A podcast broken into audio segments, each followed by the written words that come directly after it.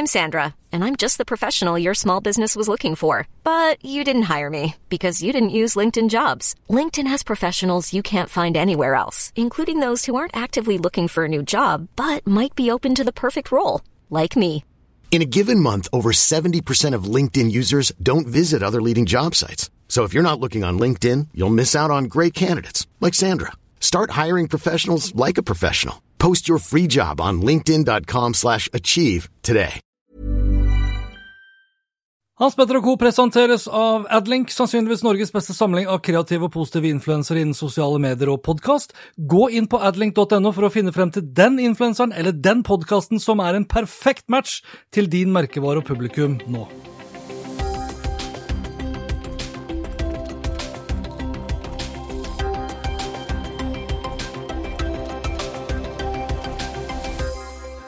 Hei og velkommen til Hans Petter og Co. Jeg heter Hans Petter, og denne episoden ble spilt inn torsdag 14. mai.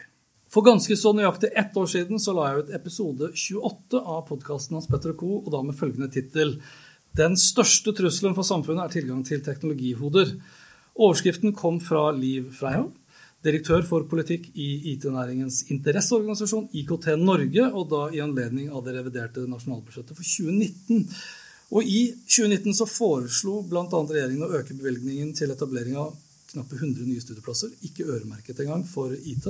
Det var ikke nok, mente Liv da, når mangelen var, og for så vidt også er, på flere tusen.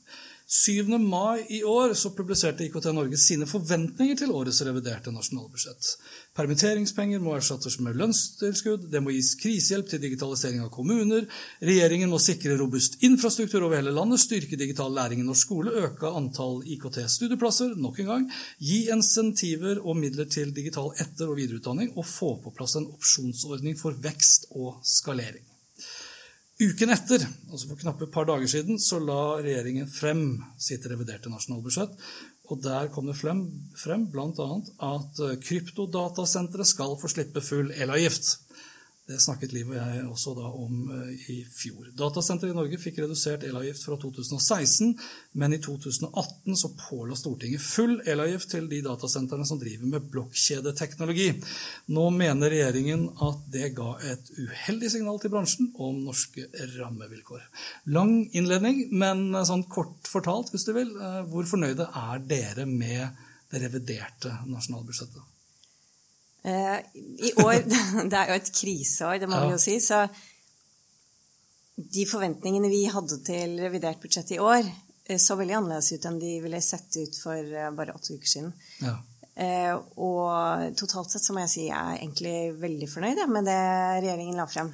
Oi! Er, det liksom, er, er, det en sånn first time for IKT Norge å ja, være fornøyd? Vår jobb er ofte å, klage og be om mer, og Ja. aldri egentlig være fornøyd, for vi skal alltid være ambisiøse på vegne av fremtiden og på vegne av teknologi. Og, Ja, og selskapene og, dere og sånn sett har våre, selvfølgelig. Mm. Så vi er jo aldri i mål. Vi kommer jo aldri i mål, vi. Men i år må jeg si at både en del sånne kortsiktige krisetiltak har vært veldig gode og har kostet fryktelig mye, i tillegg til at en del langsiktige saker som vi har jobbet med i lang, lang tid, klinket inn. Og da tenker jeg da må vi si at vi er ganske fornøyd. Ja. Altså, en ting, og det har ikke så mye med revidert nasjonalbudsjett å gjøre, men eh, vi diskuterte litt før vi skrudde på rekordknappen, for så vidt også, at eh, vi i Norge nå har liksom blitt veldig så digitaliserte på rekordtid. Eh, parentes, vi har blitt flinke til å ta i bruk eh, videokonferanseløsninger og webinar osv. Det har jo bare kosta 250 milliarder kroner, hvis vi skal, hvis vi skal se på liksom de enorme kostnadene. Så jeg, jeg vet ikke med, altså Jeg vil si at det er jo ikke verdt det, men jeg vet ikke hvordan dere føler på vegne av Du tenker verdt alle de pengene Ja. vi nå har spyttet inn i krisetiltak? Ja, altså sånn for å få oss til å bli så himla digitaliserte. Altså det er jo digitaliseringen som har båret oss gjennom disse siste ukene, da. Ja. Eh, og som tross alt har gjort det mulig å opprettholde en viss form for aktivitet. Så hvis du ser på alternativet eh, ved å ikke bruke de pengene, så hadde det kanskje sett verre ut. Ja, ja. For da hadde du hatt flere bedrifter som hadde gått dukken, flere som hadde mistet jobben, ikke bare blitt permittert, men faktisk også ikke hatt en arbeidsplass å gå tilbake til. Ja. Så, og, og det har jo vært en enorm dugnad. Det er jo ikke bare staten som har bidratt med krisepenger her. Her er det eh, ikke minst bedrifter som har spyttet inn tilgjengeliggjort tjenester, digitale tjenester og løsninger for å få eh, skole, helse, hele samfunnet og bedrifter til å gå rundt. Så jeg tror effekten av dette er jo fryktelig vanskelig å måle. Men ja, vi har alle fått et enormt krasjkurs i bruk av digitale verktøy for videokonferanseløsninger, møter Vi har vel alle hatt en og annen sånn oppsiktsvekkende tanke om herregud, alle de fysiske møtene og reisene jeg tidligere har gjort, ville jeg ha prioritert annerledes i dag. Ja. Det å bruke video for å gjennomføre et møte er ikke så skummelt lenger, og det er jo fantastisk. Men har, altså En av de tingene som jeg tror vi også diskuterte det i fjor, eh, var jo da eh, bredbånd. Det er liksom at hele Norge skal ha bredbånd. Og nå som alle da er såpass mye da på, på video, uh, enten i form av at vi streamer som aldri før, Netflix-serier osv., så, videre, så er, bruker vi også ganske mye bredbånd til jobb, da, altså med webinar etc. Er dere fornøyd da med de 150 millionene var det ikke det, som var bevilget da til å forbedre bredbåndet? Norge har jo en veldig godt utbygd infrastruktur fra før. Vi har hatt, vært, hatt en vellykket ekompolitikk i mange, mange år. Som gjør at vi har et og i hvert fall når du ser på hva slags land vi bor i, med den demografien og topografien vi har i Norge. Det er et ganske vanskelig land å bygge ut god infrastruktur i. Ja. Men vi har en kommersiell utbygging, eh, til tross for at vi er et så liksom, liten befolkning som bor eh, på så spredt område, så har vi god dekning, veldig god dekning i Norge. Vi har eh, lave kostnader på ekomtjenester. Så det har vært vellykket. Ja. Og jeg tenker at i 2020 så må vi også på vegne av hele Norge ta på oss et ansvar i å ikke bli for kravstore. Det må, vi også innser det at her må det prioriteres hva vi skal bruke penger på. Ja. Vi har dyppet hånden fryktelig langt ned i oljesekken allerede. Og utbyggingen av digital infrastruktur, den går sin gang. Vi har sett at infrastrukturen vi har i dag, den har ikke kneblet under det voldsomme trykket den har blitt utsatt for de siste åtte ukene. Så den har vist en robusthet og en soliditet og liksom stabilitet som jeg tror vi skal være veldig godt fornøyd med og veldig glade for. Og så har vi veldig glad for de tilleggsmidlene som har kommet. Vi har valgt å ikke, ikke klage over det og, og, be om mer nå. Ok, er, Ja, men hvorfor klager man ikke? Fordi at man har så himla mye ellers, og altså fra regjeringens side så har man så himla mye ellers man må fokusere på? Ja, jeg tenker at dette er en det er del av Det er ikke liksom? tiden for å klage så mye. Nei. Jeg tror alle har snudd seg rundt og snudd på altså virkelig lagt godviljen til, vært villig til å bruke penger på alt det der man kan se at dette en, liksom, vil ha en positiv effekt eh, og, og, kan bidra til å opprettholde aktivitet, arbeidsplasser ja. og verdiskaping. Eh, også på infrastrukturbiten. Så jeg tenker at vi, vi, er fornøyd. Det har kommet, blitt bevilget ekstra også til digital infrastruktur i mm. år. Vi har kommersielle aktører som Eh, er dyktige og ønsker en kommersielt drevet utbygging. Så det er, eh, det er jo kun i områder der det virkelig ikke er markedsmessige vilkår for å, for å drive utbygging, at man ber om eh, statlig støtte til det. Ja, riktig. Hvor fornøyd er dere med 1472 flere studieplasser? da? Det er vi også veldig godt fornøyd med. Ja. Er de øremerket eller noe sånt, eller? Til IT, IT-sikkerhet, kunstig intelligens? De er vel ikke øremerket ned på, ned på detaljnivå. Nei. Eh, men de er øremerket eh, Jeg har det til og med i notatene mine her. Eh, matematikk, naturvitenskap og teknologi. Riktig. Og alle de fagene er jo bra for teknologinasjonen Norge. Ja på den digitale utviklingen vår. Ja, for altså, vi har jo, Da vi diskuterte i fjor, så var vi jo vi var jo for så vidt også da veldig opptatt av IT-sikkerhet og kunstig intelligens. At det var områder som På den ene siden så trenger vi kanskje å heve kompetanse på IT-sikkerhet, for det er så himla mye farer der ute, og trusler. Eh, og på den andre siden så trenger vi kanskje å utvikle kompetanse på kunstig intelligens, fordi det kan være et område som kan gjøre Norge mer konkurransedyktig. Covid-19 har jo også vist seg å eh, Eh, inspirere eh, kriminelle aktører til masse svindel. Og eh, jeg jobber jo for et par eh, IT-selskaper sjøl, IT-sikkerhetsselskaper som sådan. Og det er vel ingen i dag som ikke har kommet med tips og råd om hvordan du skal bli hjemmets IT-ekspert, og hvordan du skal sikre computeren din osv. Mm. Jeg snakket med en journalist her om dagen som sa at ja, det mangler nettopp ikke på sånne typer råd, men det ser jo ikke ut til at det hjelper. Så hvis du kommer opp med en løsning på liksom hvordan folk skal bli mer bevisste, hvordan de skal ta liksom egen sikkerhet mer seriøst. Nå har vi NRK-avsløringen f.eks. om GPS-sporing. Eh, jeg så Salvador Baez som hadde skrevet en artikkel også som handlet om eh, nettopp det samme knyttet til personvern, hvor jeg kommenterte egentlig bare at folk gir egentlig litt beng før de blir rammet av det sjøl. Så jeg skulle jo gjerne, altså Det jeg skulle sett, da, hvis jeg skulle liksom og Det er ikke klage, men jeg skulle gjerne sett at vi på mange måter fikk To ting. Eh, flere dedikerte studieplasser knytta til IT-sikkerhet og konkrete tiltak li, altså på nivå med den der Elements of AI, som kanskje var sånn kurs for alle i Norge til å heve egen sikkerhetsbevissthet. Jeg er helt enig at sikkerhet må prioriteres. Ja. Men jeg tror det som kommer i revidert eh, budsjett, det går ikke ned på det detaljnivået. Nå har vi fått en ramme ja, ja. Eh, på 1400 nye studieplasser til fag hvor IT-sikkerhet eh, er naturlig at inngår.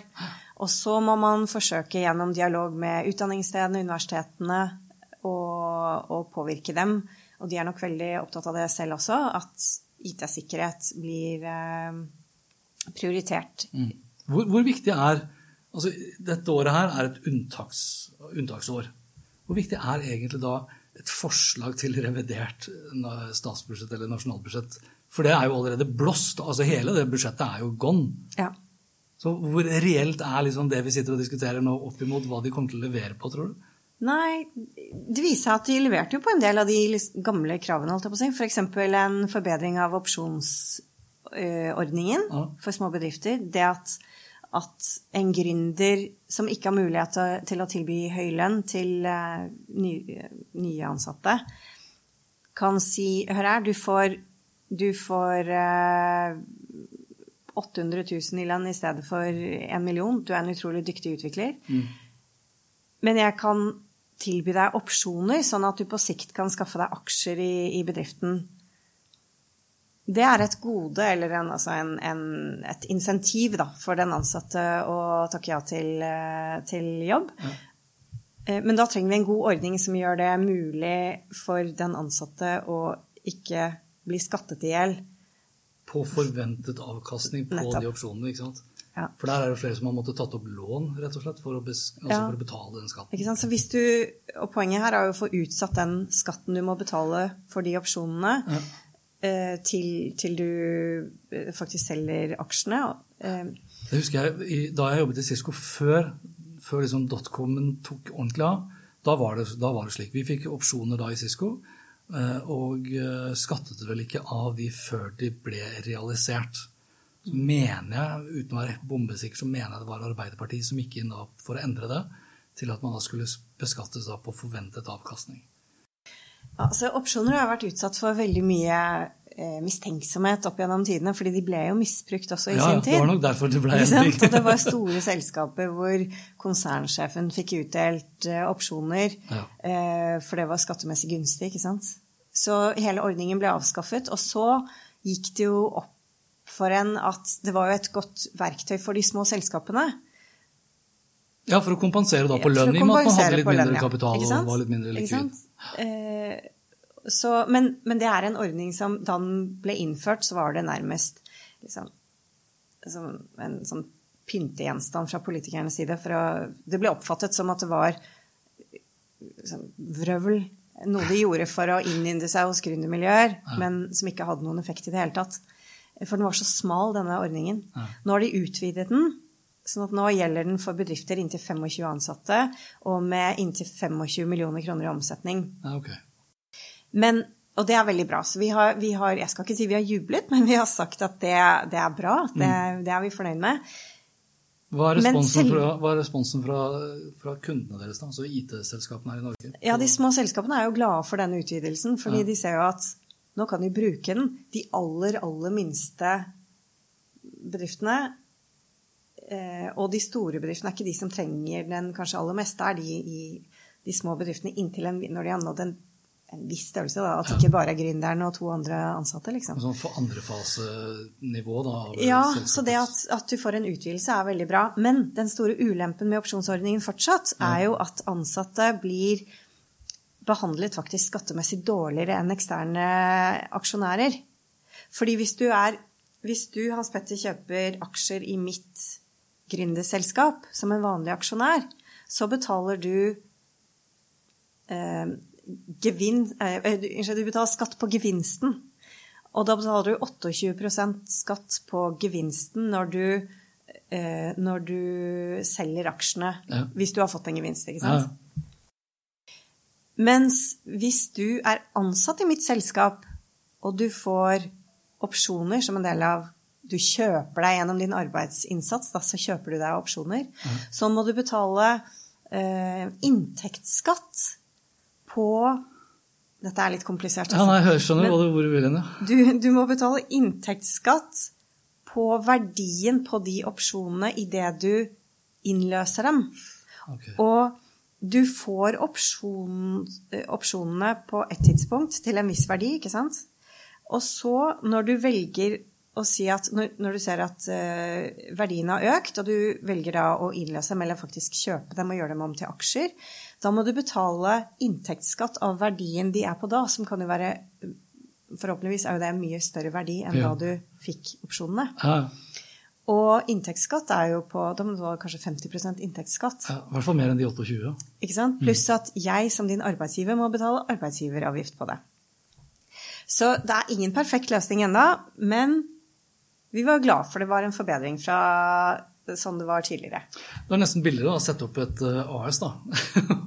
og Ja. så få de aksjene gjennom Ja. det AS-et. Problemet da er at da må du betale, må du betale skatt for øh, i det du anskaffer dem. Ja.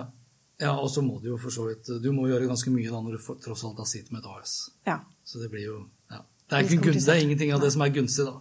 Men ehm, nå, som, nå som vi har denne situasjonen som vi har, og vi vet jo ikke hvor lenge den kommer til å vare, etc., er fortsatt da den største trusselen liksom, for samfunnet Norge eh, mangelen på digitale hoder?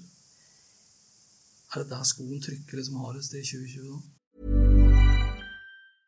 Hiring for your small business? If you're not looking for professionals on LinkedIn, you're looking in the wrong place. That's like looking for your car keys in a fish tank.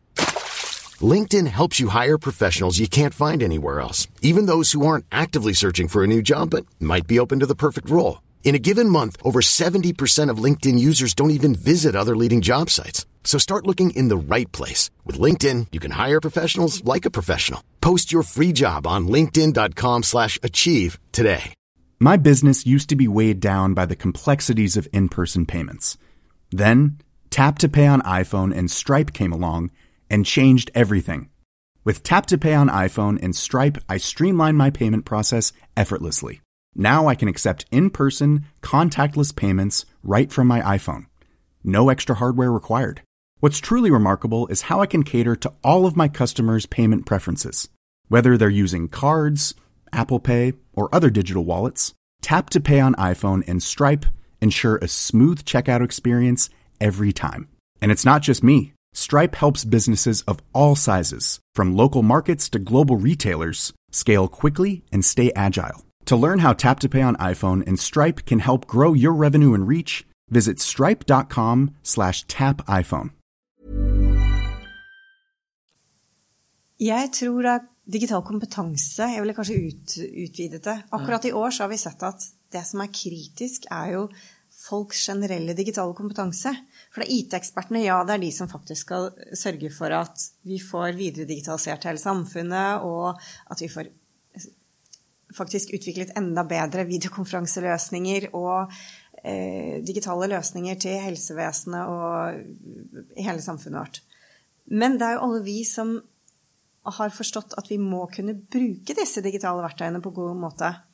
Jeg vil kanskje si at det er det liksom springende punktet, da. Og- Og det har vi sett nå i, når alle elever i hele Norge skal plutselig være på digital skole i åtte uker. Hvor viktig det er én, at de har tilgang til eh, verktøyene, altså til eh, iPader og, og datamaskiner, og faktisk kan ha fjernundervisning. Så eh, veldig mange kommuner har jo nå, om de er iPad-skole eller nettbrettskole eller Og det er jo en utvikling vi bare har sett eh, de siste fem årene. Så hadde covid-19 skjedd for ti år siden, så hadde vi vært i en helt annen kritisk situasjon for alle de som skulle ha hjemmeundervisning. Ja. Men jeg tenker også for lærere som faktisk skal bruke de eh, digitale verktøyene og klare å undervise ungene hver dag digitale, eh, på en digital god måte, da. Da skal du ha kompetanse som går langt utover det å skru på videokonferansesystemet. Ja. Du skal kunne de pedagogiske eh, verktøyene. eh, Du skal ja, kunne undervise og se effekten av det, og kunne tilpasse undervisningen eh, og, og oppgavene til den enkelte elev. Så den digitale kompetansen hos folk flest tror jeg også er utrolig kritisk. Og det, er, det har vi fått øynene opp for nå. Jeg har jo to, eh, to 14-åringer hjemme. Mm, Jeg har også en. Og hvor raskt altså En ting er hvor raskt de eh, tok liksom den oppgaven da, med å lære seg å kjøre Teams via It's Learning som de kjører. Det er ikke en iPad- eller nettbrettskole fra før av. Det syns jeg var ganske imponerende. Men det som har imponert meg mest, med tanke på at jeg også sjøl kjører en del webinarer og videomøter, det er lærere som orker å stå, altså som har stått i det her med så mange elever. Altså du?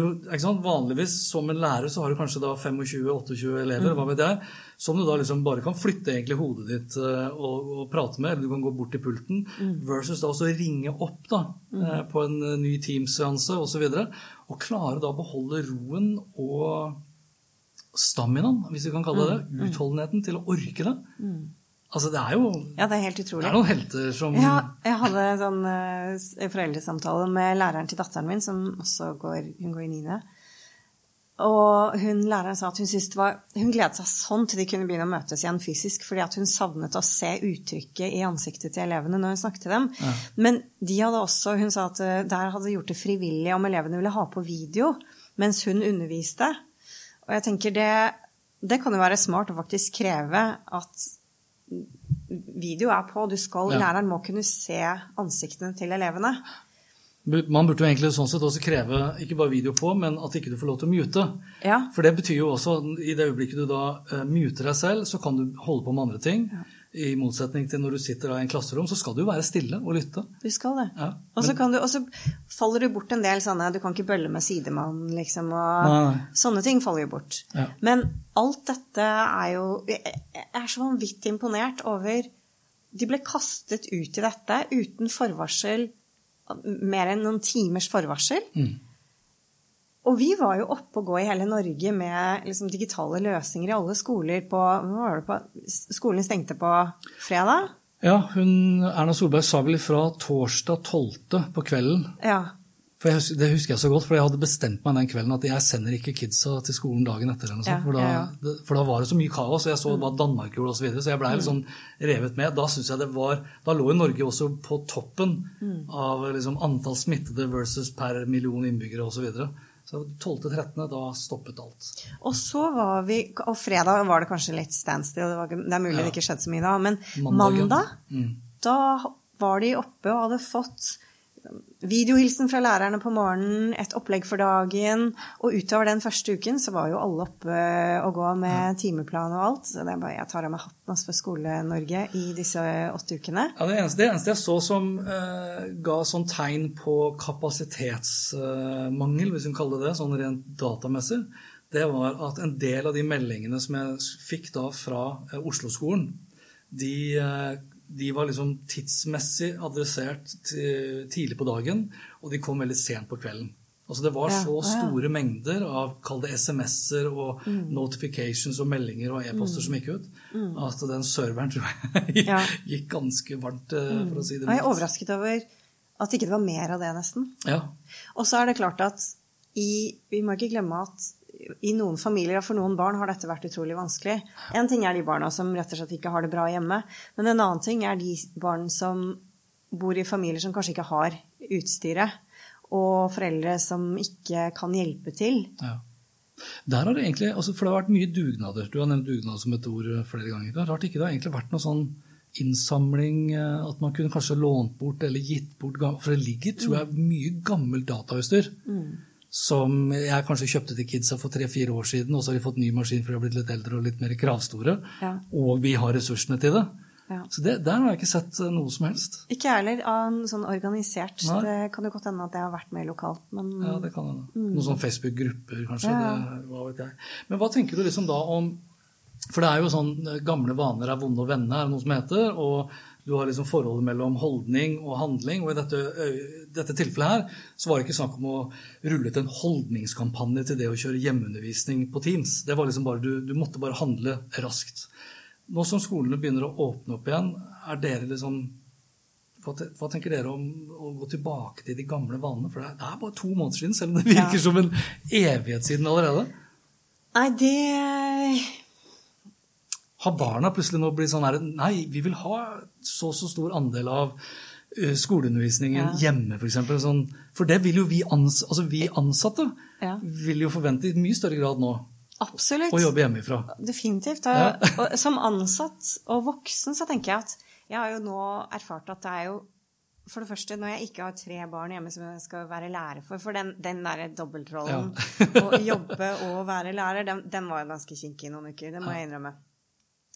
Men uten barn hjemme så er det jo mange oppgaver som er utrolig effektive å få gjort hjemme, i tillegg til at du får en helt annen ro. Mm.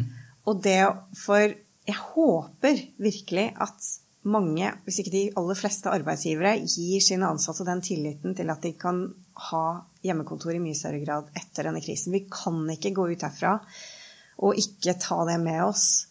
Og hvis du tenker på reduksjon i eh, belastning på trafikken La oss si alle jobbet hjemmefra én dag i uken. Da. Mm. Så hadde du jo i teorien redusert trafikk med 20 ja. Du hadde gitt de ansatte tilbake to timer av, arbeids, av fritiden sin, som blir brukt til å transportere seg til og fra jobb, pluss til og fra møter da, som du har i løpet av den arbeidsdagen. Ja. Og du er hjemme, så du har roen til å liksom få gjort sånne småting som vi alle har behov for å gjøre i løpet av uh, en uke, liksom. Uh, det, det, håper jeg virkelig. At man har sett at folk jobber selv om de er hjemme. Ja. Jeg har tre barn, de er veldig forskjellige. Da. Så jeg har en datter, hun, hun var sånn åh, kan vi ikke fortsette å ha hjemmeundervisning, liksom? I hvert fall delvis. Og så har jeg en sønn som går i sjette klasse, som er hypersosial, og han gleder seg så enormt til å komme tilbake til vennene sine. Mm. Så man er jo forskjellig, og den, hvor, i hvor stor grad man er på en måte drevet av det å være fysisk sammen med andre mennesker, det varierer nok veldig fra person til person også. Ja. Altså, jeg har jo jobbet hjemme siden 2014. Så jeg, har jo, ja. så jeg har jo vært vant til å sitte for meg selv, jeg har vært vant til å kjøre kortere møter på, på video osv. Uh, men jeg, og, og, jeg er nok blitt litt sånn introvert uh, med tiden fordi mm jeg, jeg, opplever at veldig mange som lever av det å stå på scenen, om du da er artist, eller om du er standup-komiker eller foredragsholder, eller for noe, de blir ofte litt sånn introvert, for det er litt sånn utleverende å stå på scenen. Mm. Men jeg skal jo si at jeg savner jo ekstremt mye. Altså, mm. Når jeg da spurte om vi kunne treffes, mm. og du sa at uh, vi har liksom smitteverntiltak i orden, så vi kan møtes fysisk, ja. Det er jo ingenting som slår det. Selv om jeg er ihuga liksom, digitalfan osv. Det, det jeg håper på, da, eh, sånn tilbake, litt sånn tilbake til både jobb og for så vidt også til, til, barn, det er jo at, eh, For du nevner de som kanskje ikke er like ressurssterke, f.eks. Så har det jo også vært liksom, de mest ressurssterke barn i dag, som kommer fra ressurssterke familier, de har jo også hatt råd til å kjøpe leksehjelp, som også har vært fysisk.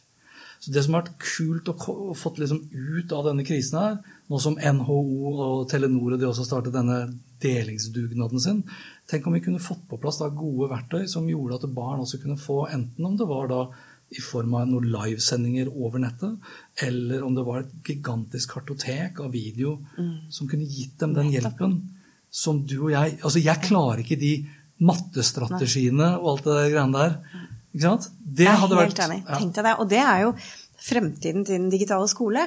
Det er jo det jeg mener med individuelt tilpassede programmer og verktøy. Ja.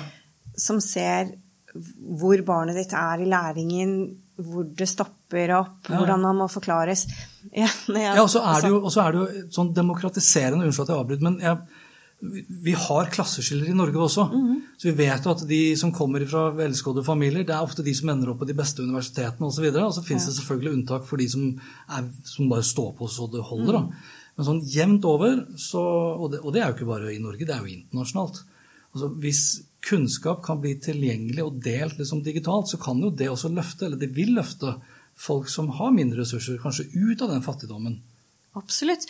Men du, og noen av disse verktøyene finnes jo i dag. Så når jeg skulle ha hjemmeskole med, med Luke, da, som er tolv år, og matten ble litt for krevende så, så gikk vi på YouTube, og så tastet jeg inn liksom, sannsynlighetsberegning. Og så kom det opp en eller annen super eh, en mattelærer da, som hadde lagt ut et lite superkort foredrag, enkelt forklart med tegninger og ord. Ja. Og så forklarte han det på en mye bedre måte enn det jeg hadde klart å gjøre det. Og helt enig hvis det fantes, og det tror jeg, det er jo under utvikling, da, så dette tror jeg vi ser enormt mye mer av uh, i tiden fremover. Eh, Ja, for det hadde jeg håpet litt. Jeg hadde håpet at den, undervisningshjelp og ja. ja, ja, altså den dugnadsdelingen til, eller delingsdugnaden, var det vel NHO kalte det, den hadde jeg håpet hadde vært mer enn bare en nettside med lenker til bedrifter som sier at de har noe kunnskap de vil dele. Ja. Hvis, og, og, og det burde ikke vært du, altså Der liker ikke jeg ordet dugnad. da. For det burde vært en permanent løsning som burde egentlig vært på plass for lenge siden. Hvor man kunne brukt altså Når du sier YouTube, så er jo det beste med YouTube sånn sett, på samme måte som Spotify, er jo muligheten til å for eksempel, lage spillelister. da. Eh, og de spillelistene kunne vært laget da enten sånn for vertikaler i industrien, for horisontaler når det kommer liksom til fagområder, men også da vært filtrert da, på liksom Jeg er den og den personen, jeg har de og de interessene, jeg jobber i den og den sektoren, kunnskapsnivået mitt er sånn og sånn, og jeg har de og de hullene. Ikke sant? Altså, der kunne AI kanskje kommet inn, da. Hvis man tenker sånn enda lenger frem i tid. Så jeg håper jo den løsningen til NHO kan kanskje inspirere Henrik Asheim, Linda Helleland, Nikolai Astrup, eh, kanskje da privat næringsliv, IKT Norge, til å begynne å klekke fram liksom da en sånn type portal, som ikke finner opp alt på nytt igjen, men som katalogiserer alt som du da f.eks. bruker i dag da, til å finne fram på YouTube og andre steder. For det er som du sier, det er veldig mye innhold som er der, men vi bare finner ikke det. Det har vært helt rått. Absolutt. Eh, Det Det, blir en sånn stor crowdsourcing-operasjon. Ja.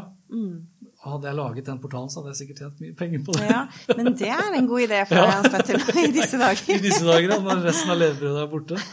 Ja. Men det, apropos det, da.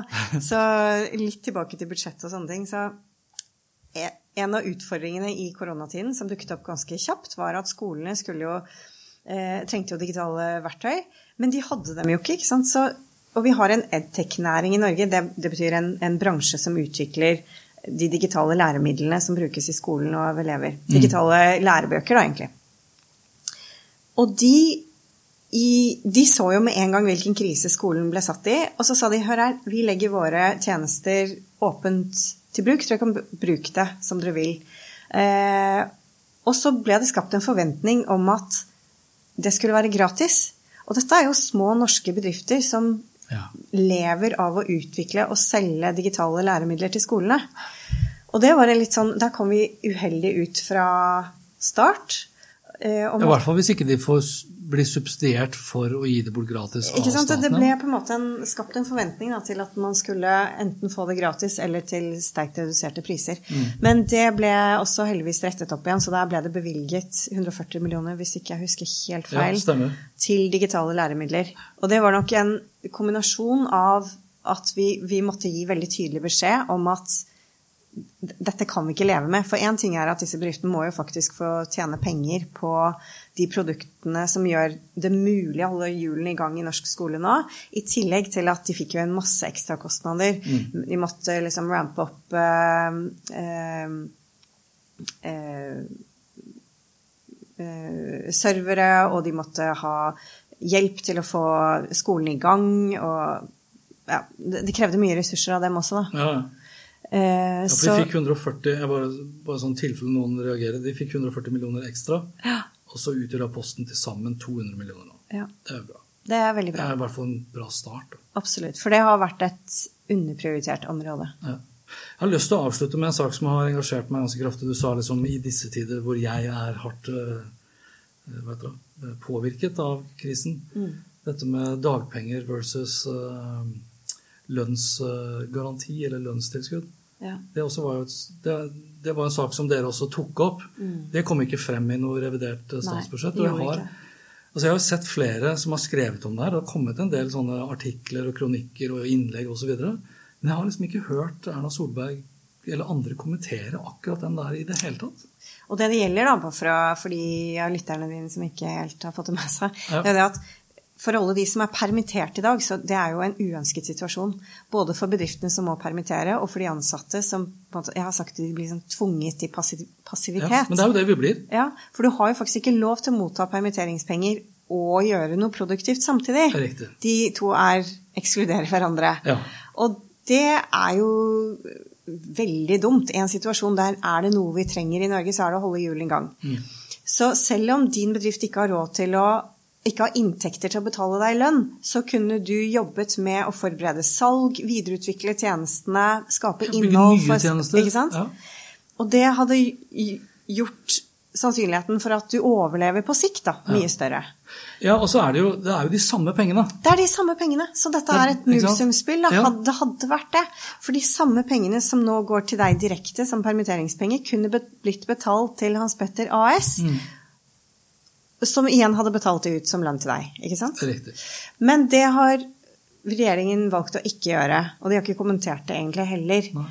Min, det, så det blir bare spekulasjon hvorfor de ikke har gjort det, og det jeg kommer nærmest frem til, Ja. må være at de er redde for at det hadde blitt utsatt for svindel, at det hadde vært for lett da og for bedriftene å få et tilskudd til lønn, selv om de ikke strengt tatt hadde trengt det. Men, og, men regjeringen var veldig tidlig ute da, med å si at jeg syns de har vært så utrolig flinke, for de var tidlig ute med pakker rettet mot næringslivet som har kostet forferdelig mye penger. Og så sa de at her vil det være hull vi ikke har tettet, som gjør det mulig å misbruke ordningene. Det vil vi slå hardt ned på, men vi mener det er viktigere å komme ut med ordninger som hjelper mange, enn å sørge for at de er helt vanntette. Men altså, dette lønnstilskuddet, det har det ikke kommet med.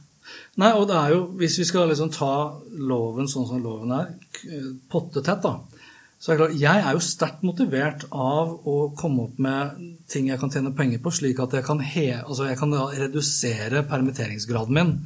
For det, det er gunstig for meg. En ting er at jeg syns ikke det er noe hyggelig å hente penger fra, fra Nav. Eh, Det andre er at de pengene jeg får fra Nav, er ganske lite med tanke på den 6G-en og 62 av det osv. Så, videre. så motivasjonen til å kunne redusere dagpengeandelen, eller permitteringsgraden, er kjempestor. Men jeg har jo da i utgangspunktet ikke lov til å jobbe med å få den redusert. Og da blir jeg sittende med 70% permittert og 30% på å håndtere Mm. de kundene og den businessen jeg har igjen.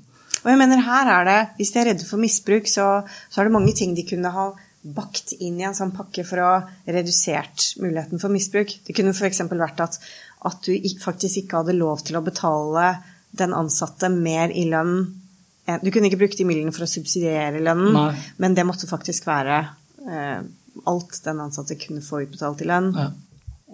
Men det kan jo være at altså blir det her en, en sånn lang vedvarende situasjon, selv om det, det, ting tyder jo på at vi begynner å få litt sånn kontroll over situasjonen. Og så får vi se hvordan det blir etter hvert som været blir penere, altså varmere osv., og, så videre, og sommerferie etc. Eh, Så kan det jo være at de kanskje da ser på det på nytt igjen. da. Kanskje, men jeg tenker desto fortere de kommer i gang med det, desto fortere kommer bedriften i gang igjen. Ja. For ingen bedrifter som får gjort noe hvis liksom, døren er låst og vinduene er skalket igjen. Nei. Ikke sant? Nei. Og de ansatte sitter på en strand med penger fra Nav. Og det er jo den sirkulære økonomien. For det er klart når jeg da har så lite midler til rådighet, så handler jeg også veldig lite. Det ser man jo bare på annonsemarkedet f.eks. også. ikke sant? Alle sparer så mye som mulig der de kan. Og da blir jo det nullsum-gamet der, da, det blir ikke nødvendigvis veldig bra. Så det er så bra, så vi har fortsatt masse igjen å gjøre i IKT Norge. Ja. Selv om vi var ganske fornøyd med budsjettet. Og dette var det eh, for denne gang. Lenker til eh, det vi har snakket om og øvrige ting, det finner du som alltid på Info. Og likte du det du hørte, og forsikre deg om at du får med deg den neste episoden, da kan du blant abonnere på Hans Petter Co. på Apple Podcaster. Ellers er podkasten også tilgjengelig på Spotify, Acast, Google Podcast, Overcast og Tuner Radio. Inntil neste gang, vær nysgjerrig, for det er den beste måten å møte vår digitale Hans Petter og Co. presenteres av Adlink, sannsynligvis Norges beste samling av kreative og positive influensere innen sosiale medier og podkast. Gå inn på adlink.no for å finne frem til den influenseren eller den podkasten som er en perfekt match til din merkevare og publikum nå. Elevate your travel style with Quince. Quince has all the jet-setting essentials you'll want for your next getaway, like European linen premium luggage options, buttery soft Italian leather bags, and so much more. And it's all priced at 50 to 80% less than similar brands. Plus, Quince only works with factories that use safe and ethical manufacturing practices. Pack your bags with high-quality essentials you'll be wearing for vacations to come with Quince. Go to quince.com slash trip for free shipping and 365-day returns. My business used to be weighed down by the complexities of in-person payments. Then, Tap to Pay on iPhone and Stripe came along and changed everything. With Tap to Pay on iPhone and Stripe, I streamlined my payment process effortlessly. Now I can accept in person, contactless payments right from my iPhone. No extra hardware required. What's truly remarkable is how I can cater to all of my customers' payment preferences. Whether they're using cards, Apple Pay, or other digital wallets, Tap to Pay on iPhone and Stripe ensure a smooth checkout experience every time.